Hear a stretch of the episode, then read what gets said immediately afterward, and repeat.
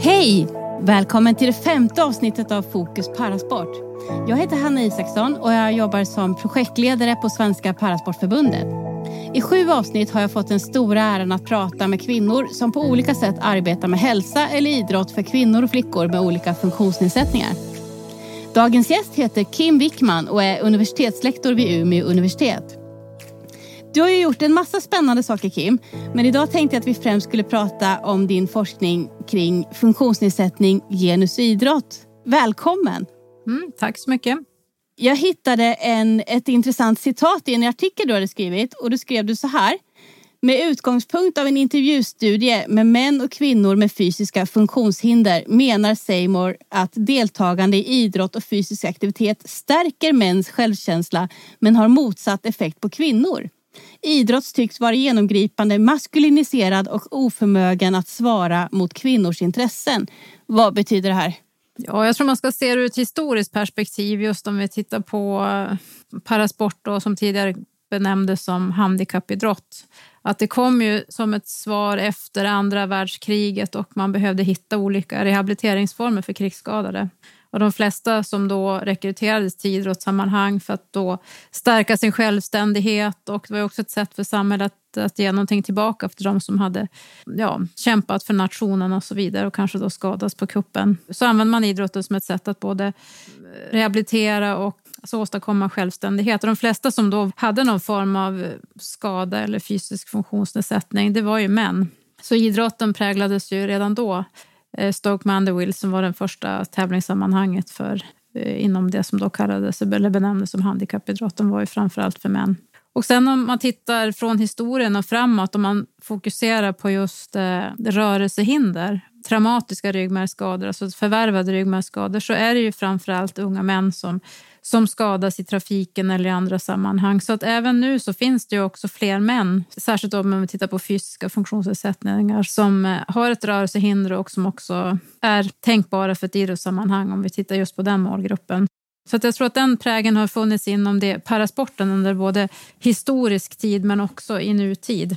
Men jag tycker också att det är viktigt att generalisera till idrott i ett större sammanhang och det är ju så också att män i större utsträckning än kvinnor också ägnar sig åt idrottsaktiviteter på alla nivåer. Så att det finns också historiska orsaker till att det ser ut på det sättet.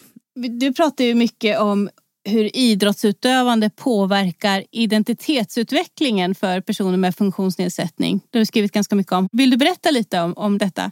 Det är så stort. Det beror på vart man ska börja någonstans. Jag kan tycka att jag mer och mer på senare år också både har reflekterat kring det där hur mycket man ska särskilja det som är eh, har med funktionsnedsättningen att göra och det som kanske bara är allmänt kanske har med genus eh, att göra eller andra frågor så att det inte blir så mycket att man drar alla slutsatser utifrån funktionsnedsättning. För att personer med funktionsnedsättning är ju, en, är ju ingen homogen grupp. Det är ju en jättespridning på vilka som finns representerade i det som skulle kunna vara en så kallad grupp. Så att jag tänker mig att eh, det, det, är väl ungefär samma saker som gäller för människor i allmänhet. Att man, idrotten blir ju ett annat sätt att upptäcka vilken kapacitet och vilka förutsättningar man har till prestation inom i alla fall någon, någon, form av idrott. Men den kan ju vara särskilt viktig också om man har berövats på någon form av fysisk kapacitet att återvinna den på något sätt, på ett eller annat sätt. Att återerövra sin fysiska förmåga. Det gäller väl kanske främst när eh, man har kanske en förvärvad ryggmärgsskada till exempel. Men det, sen är det ju en vardaglig fråga också att idrotten kan ju också göra att man blir mer självständig och autonom i sitt vardagsliv. Det vi pratar både om kanske breddidrott och om elitidrott, det är som två olika saker. Men, men eh, motion och eh, breddidrott kan göra att man blir självständig i sitt vardagsliv. Eh, elitidrotten den, den blir mer identitetsskapande i den meningen att man blir som gäller för alla idrottare på elitnivå. Att man blir alltså en, en elitidrottare, det blir en identitet helt enkelt. Jag läste att det är många som idrottar som byter sin primäridentitet från person till funktionsnedsättning till idrottare. Vad kan det betyda? Ja, det där är som lite intressant tycker jag just för att om man tittar på ja, parasport på mer elitnivå så måste man ju först, först så tränar man ju mycket för att bli så självständig och elitpresterande som möjligt. Men sen måste man ju på något vis underkasta sig det här regelformatet också för att kunna bli accepterad i ett elitidrottssammanhang. Alltså man måste bli klassificeras utifrån sin funktionsförmåga. Då. Så då måste man ju som underkasta sig det där med eh, någon slags eh, bedömning av funktionsnedsättning. Men sen ska man ju liksom återerövra den där möjligheten att också Eh, vara elitidrottare. För sen ska du också konkurrera som elitidrottare om sponsorresurser och andra alltså, eh, förutsättningar att kunna bedriva din idrott. Så det är liksom hela tiden är det en balansgång mellan att på något sätt acceptera och, och underkasta sig någon slags eh, kategorisering utifrån funktionsnedsättning och samtidigt vara elitidrottspresterande jämförbart med andra elitidrottare utan funktionsnedsättning. Eller, så det är hela tiden en växling och att, att förhålla sig till det på ett eller annat sätt. Hur skulle du beskriva eh, den kollektiva föreställningen om idrottare med funktionsnedsättning? Hur ser den ut? lite grovt. Ja, jag vet inte om jag ens vill ge mig i kast med en sån definition. Därför att jag tycker att det är så viktigt också att man inte fastnar i det där att eh, på något sätt utmåla idrottare med funktionsnedsättning som en homogen grupp Eh, som särskiljer sig från andra idrotter. Jag tror att man, de som är på, om vi pratar om elitidrott så är, de har man ju samma, det här vardagliga, att träna mycket, att liksom hitta resurser och förutsättningar att kunna ägna sig åt sitt idrottande och för att, att liksom mejsla fram sin elitidrottsprestation. Den, den vardagen är ju densamma för den som har funktionsnedsättning eller, eller inte. Så i den meningen tror jag att de personligheter som du hittar inom en elit elitidrottare, bland elitidrottare, den är densamma oavsett om du har en funktionsnedsättning eller inte. Eh, så att jag... Mm, nej, men jag, jag tänkte att det, eh, att det är viktigt det där. Att jag, jag, har, jag vet att jag också har... Eh, att det, om vi pratar om normen så finns det normativa föreställningar såklart. Om, det finns ju en, en normativ föreställning inom idrotten vad riktig idrott bör vara och vem som kan prestera riktig idrott. Och det där tror jag att det finns en eh, någonting som eh, idrottsrörelsen kommer att kollidera med när man också nu jobbar med inkluderingsprocessen som är aktuell inom svensk idrott, där man då ska inkludera idrottare med funktionsnedsättning i, i eh, specialidrottsförbunden. Att man bär, vi alla bär på föreställningen vad riktig idrott är, vad riktig idrott ska vara och vem som också kan prestera den. Där behöver vi omvärdera våra föreställningar. Vi behöver konfrontera dem och kanske ifrågasätta dem. Så i den meningen så finns det ju en, någonting som vi alla, oavsett om man har funktionsnedsättning eller inte, måste liksom hantera.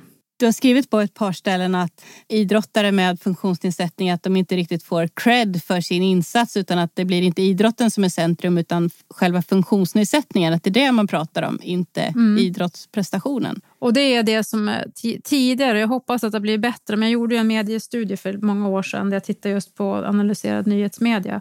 Och där det kunde exempelvis, nu, nu liksom förenklar men där det kunde stå till exempel att eh, hon har vunnit den största segern av alla. Eh, idrottare som, som, med, som deltog i Paralympics, nämligen att övervinna sin funktionsnedsättning. Mm. Men om man skriver så, då spelar det ingen roll om jag tränar sju dagar i veckan, två timmar om dagen eller vad det nu kan vara och eh, tävlar mot världseliten. Om min största seger är att jag övervinner min funktionsnedsättning, då spelar det ingen roll om jag kommer först eller sist. Om man skriver fram idrottsprestationer på det sättet, då tror jag att det är svårt att också värdera och värdesätta en sån idrottsinsats utifrån normativa föreställningar om vad elitidrott är. Och då hamnar inte de nyhetsreportagen på eh, eh, idrotts eller sportnyheterna eller eh, i, i den, de sammanhangen, utan då blir det någonting annat. Då är det mer än sociala reportage eller, nu är inte jag medie, medieforskare, men att alltså det blir någonting annat. Det är svårt att värdera det utifrån om man har idrottsglasögon på sig, elitidrottsglasögon och förstå vad det handlar om. Mm. Och jag tycker att det är inte rättvisande heller mot dem som är elitidrottare och tävlar på yttersta nivån mot världseliten att skriva fram prestationer på det sättet. Men där kan jag också säga att där tyckte jag i den studie som jag gjorde då när jag skrev min avhandling då 2008 så tycker jag också att förhoppningsvis har ju saker och ting förändrats sedan dess men då så såg jag också att när reportage gjordes där man intervjuade parasportarna, alltså de som var, tävlade i Paralympics, när man intervjuade dem så tog de tillfället i akt att faktiskt lyfta fram sina idrottsprestationer. Inte i första hand berätta om sin funktionsnedsättning och varför de hamnade i rullstol till exempel, utan att man valde också att, att lyfta fram sina idrottsprestationer och i vissa fall också att man lyfte fram kanske vilken att man har en familjesituation, att man var förälder. Att också närma sig normen eller liksom göra anspråk på normen. Att inte låta sig beskrivas utifrån sin funktionsnedsättning utan som mm. med andra identiteter. Vi inom eh, parasporten har ju samma problem som den övriga idrottsrörelsen, att vi är sämre på att rekrytera flickor och, kvinnor till våra idrotter. Hur tycker du att vi ska göra för att bli bättre på det här området? Har du några bra tips? Ja, det är svårt att säga, men, men det är ju generellt idrottens dilemma. Där har, det kan vi, det är flera decennier tillbaka. Min handledare Eva Olof som var den som skrev den första avhandlingen om ämnet Eh, idrott och genus. Och det är ju flera decennier sedan att det har ju hänt en, en trög process inom idrottsrörelsen. Och det är ju för att det också är kodat utifrån de här maskulina värdena ofta. Att den som är snabbast, mest uthållig, hoppar längst, hoppar högst och så vidare. Att de är, de, de är maskulint kodade också, våra föreställningar om vad riktig idrott är och vad riktig idrott ska vara. Så jag tycker att eh, kanske, alltså det är ett generellt problem inom idrottsrörelsen. Där tänker jag också att det finns en del felaktigheter tycker jag ibland som jag blir mer uppmärksammad på, både i min egen forskning och andras. Det är att man ofta drar slutsatser, mindre studier, man drar slutsatser att ja, det här fenomenet beror på att man har en funktionsnedsättning. Det behöver inte alls vara så. Vi gjorde till exempel en uppföljning av Idrottslyftet, statens stöd till idrottsrörelsen, där vi såg att barn sällan får komma till tals inom aktiviteter eller som är viktiga i deras livskontext, till exempel idrott. Och då är det lätt att kanske, när man då gör en studie om barn med funktionsnedsättning, man drar slutsatsen att ja, men det är för att man har, barnen har en funktionsnedsättning så de inte får komma till tals eller få möjlighet att påverka sin, sin idrott. Men det är ju generellt när det gäller barn, att barn inte får komma till tals i olika livskontexter. Mm. Så att man inte förhastat drar slutsatsen att det beror på att man har en funktionsnedsättning. Drar man alltid den slutsatsen så riskerar man också att skapa skillnader som egentligen inte, ja, som kan finnas, men det är inte säkert att det ger hela bilden. Det är komplext. Det finns flera förklaringar till att det ser ut så. Och det är farligt att också hänvisa bara till funktionsnedsättningen. Om man istället då adresserar hela idrottsrörelsen, hur ska hela idrottsrörelsen bli bättre på att rekrytera flickor och kvinnor? Ja, det tror jag är att, att, att vara målinriktad. Och det är ju också så att idrottsrörelsen har en hög frihetsgrad. Alltså att det finns där implicita kontraktet som man pratar om eller som har funnits där man eh, har en stor frihet och ett stort eget ansvar att bedriva idrott. Alltså staten har också gett eh, idrottsrörelsen stort ansvar. Och den friheten ska ju självklart idrottsrörelsen beakta och vara rädd om. Men det kanske ibland i vissa fall behövs styrning. Det finns ju studier som visar att när man lyckas med jämställdhet så lyckas man också att skapa utrymme för fler målgrupper. Så att genus, alltså det här med jämställdheten är en viktig, viktigt murbräcke för att också skapa förutsättningar och möjligheter för andra grupper att ta plats. Så att det, jag tror att det är ett enträget arbete. Man måste vara målinriktad. Man får heller inte säga att nu är målet att nå jämställdhet eh, 2025 och sen gör vi, kastar vi den frågan över axeln och ägnar oss åt något annat. Och det är samma med inkluderingsprocessen nu. Det är ett enträget arbete som måste hela tiden följas upp. Man måste arbeta med den frågan målinriktat. Och det har såklart att göra med resursfördelningar. Fördelningen, det är en sak, men det också, har ju också med föreställningar och eh, värdegrundsfrågor att göra. Inte bara med hur ekonomin kanaliseras till olika grupper och aktiviteter. Du håller ju på att studera inkluderingsprocessen nu för parasporten. Vill du berätta lite för våra lyssnare? Vad är det vi håller på med och vad gör vi och varför? Ja, vi fick, jag och några medforskare till mig fick resurser från Forte eh, att följa då inkluderingsprocessen inom svensk idrott. Att titta på vad som sker och det gör vi då på både individ, grupp och systemnivå. Försöker vi följa det över tid. Och det är ju också för att kunna lära, det är att lära av, av den processen. Det är ju intressant i den bemärkelsen att det, det är ju ett stort inkluderingsprojekt eller en process som, som är... Det kanske inte är så vanligt att den sker i så stor... Alltså i andra, det sker ju inkluderingsprocesser inom andra områden också såklart, men att det är ett stort sammanhang. Idrotten är ju Sveriges största folkrörelse.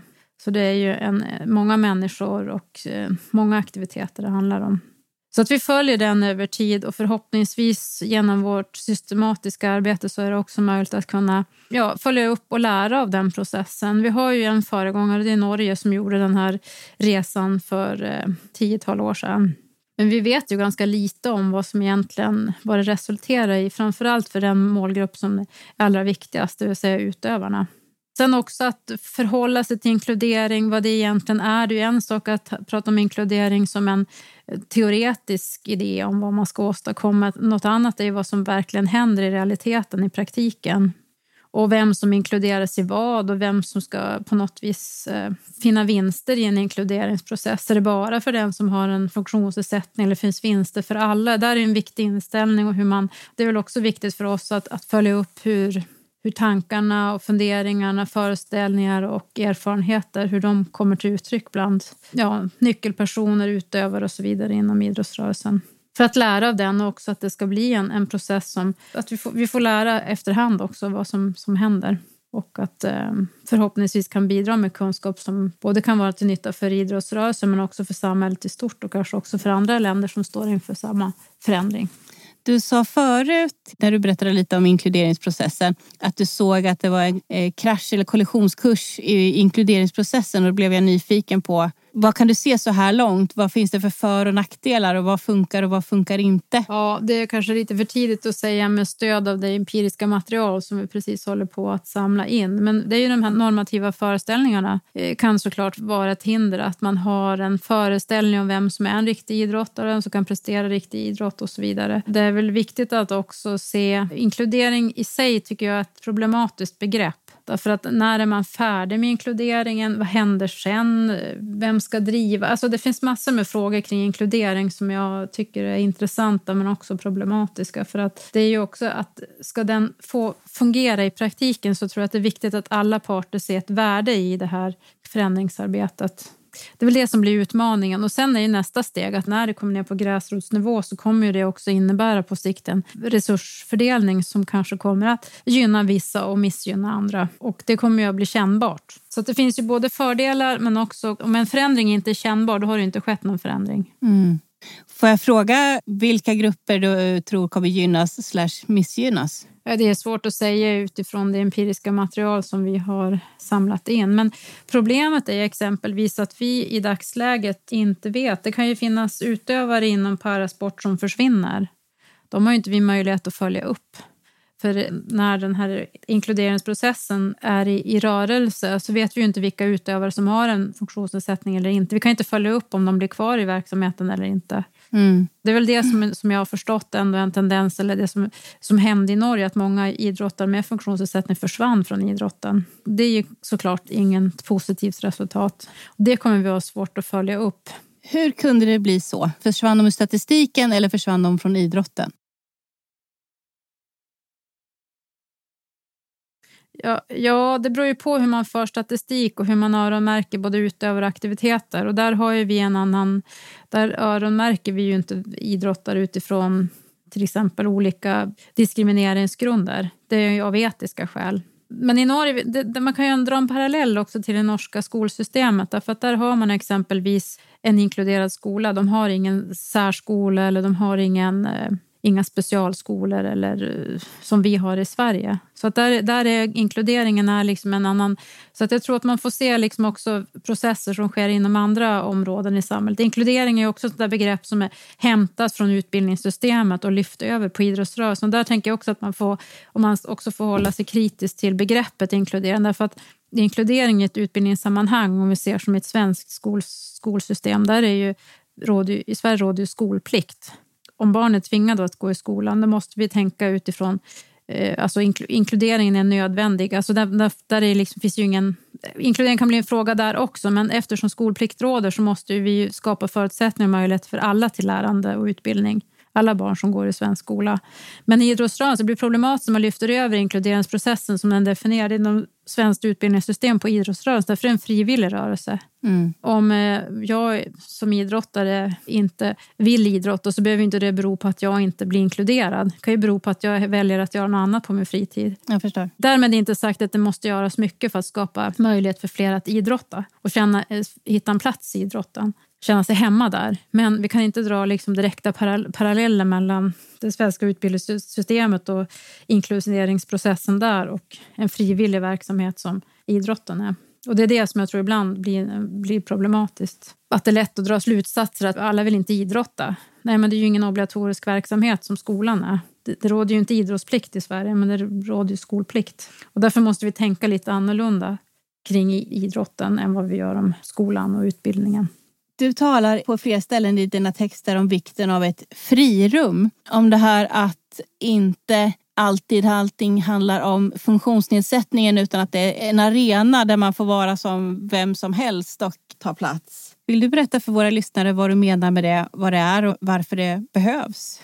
Mm. Det var nog kopplat till eh, rullstolsåkning, alltså elitidrottare inom parasporten som då uttryckte att, bara dra en parallell kanske till kvinnliga idrottare som eh, på elitidrott där man har, inte har en funktionsnedsättning så är det ofta, att, vi tar ett exempel till volleybollen som det såg ut, eller beachvolleyboll. Jorid Hovden som är professor i idrottssociologi i Norge som drog den här parallellen för ett antal år sedan, jag vet inte om den stämmer fortfarande, men hon drog, eh, gav ett exempel som inom beachvolleyboll där männen sålde reklamplatser, de manliga spelarna sålde reklamplatser. De hade linnen där man kunde trycka olika logotyper på. Medan de kvinnliga beachvolleybollspelarna sålde kroppen. Därför att där, där var det det här med bikinin och hur stora... Det fanns inga möjligheter att trycka, några, trycka några reklamlogotyper på deras eh, kläder för de var för små.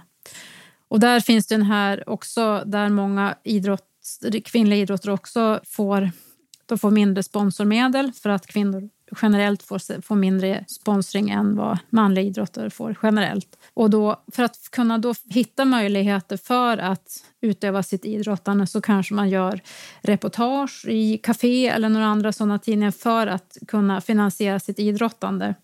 Som Jorid Hovden också gav exempel på, att man, man säljer sin kropp. Det låter ju väldigt eh, vulgärt kanske, men att det kan vara så att man gör sådana typer av reportage där kroppen blir i fokus därför att man får möjligheter och resurser för att kunna eh, ägna sig åt sitt idrottande.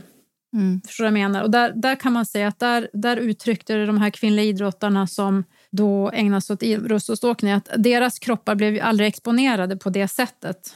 De upplevde att när det blev reportage om dem så var det inte liksom i någon eh, veckotidning och så, utan då kunde det också skapa ett frirum att inte behöva exponera kroppen utan att när man fick sponsorresurser så var det för, att, för sitt idrottande. Inte för att om jag var snygg eller att jag kunde göra ett klädreportage i en eh, kafésport eller någonting annat. Så att på det sättet så menade de då att det skapade ett frirum, att man kunde få bli respekterad för sitt elitidrottande och inte behöva exponera sin kropp på ett annat sätt för att kunna finansiera sitt idrottande eller kanske på det sättet få sponsorresurser och så vidare. Jag eh, spelade in ett avsnitt med Maria Johansson eh, för ett par veckor sedan och då tog hon upp det här att eh, kvinnor med funktionsnedsättning ofta ses som könlösa. Mm. Och inte som sexuella varelser. Och det, det stämmer med det du säger fast helt plötsligt blir det en fördel istället för en nackdel. Ja precis och dessutom så också att man kanske, många som ägnar sig åt elitidrott med funktionsnedsättning har ju en ganska lång karriär och har en ganska sen karriär kanske också. Och ibland kolliderar det med också det här med föräldraskapet som kanske också att man inte behöver ha en sån hård press på sig att det här att men ska inte du skaffa familj snart utan man, om man vill då dedikera sig till sitt idrott så kan man få göra det ganska ostört. Alltså, man har inte den där samma pressen på sig att eh, ja, men nu måste du väl bilda familj och så vidare. Alltså, det gäller att också kunna se fördelar. Det fanns också exempel när jag gjorde den här mediastudien där en elitidrottare var noga med att berätta att hon var förälder, att hon hade tre barn och att hon ägnade sig åt elitidrott också för att bryta mot den här normativa föreställningen som att man, att man inte skulle kunna bilda familj och vara förälder om man har funktionsnedsättning. Så det fanns båda exemplen. Mm. Men att det också finns en, en fördel i det här frirummet. Att om jag är hängiven mitt idrottande så kan jag liksom få göra det utan att bli ifrågasatt. Men ska du aldrig bilda familj snart? Så utifrån något slags normativt moderskaps eller perspektiv eller utifrån att man på något vis måste exponera sin kropp för att eh, få sponsorresurser eller synas i media och så vidare. Jag skulle bara vilja säga att för de idrottare som uttryckte det så var inte det ett problem. Snarare tvärtom, att man tyckte att det var positivt att kunna få eh, ägna sig helt och hållet åt sitt idrottande utan att känna de förväntningarna och kraven på sig. Det, det är väldigt intressant att det blir motsatt effekt. Det... Jag vet att du också har intresserat dig för hur personer inom särskolan ser på skolämnet idrott och hälsa. Ja, alltså jag har gjort en intervjustudie med 27 elever med lindrig intellektuell funktionsnedsättning i särskolan. Och, eh, det finns ju som andra utmaningar där, men eh, det som är det, jag tyckte att man jobbade ganska målinriktat också inom särskolan. Det var framförallt pedagogerna. Det var ju också att skapa, träna till exempel det här att vad gör jag på ett gym till exempel, att det blir överförbart i ett samhällsperspektiv också, alltså på fritiden. Hur kan jag ägna mig åt olika idrotter också på min fritid? Men där var ju också ett problem för många att man också, det väcktes ett intresse för olika idrottsaktiviteter men att det fanns ganska begränsade förutsättningar på fritiden också ägna sig åt någon aktivitet. Så att det är väl framför allt det som jag tänkte var, eller som för många var en svårighet, att man var intresserad av att vilja vara med i någon idrottsaktivitet med ganska svåra förutsättningar att kunna åstadkomma det i realiteten. Där har ju vi inom parasporten ett uppdrag. Mm.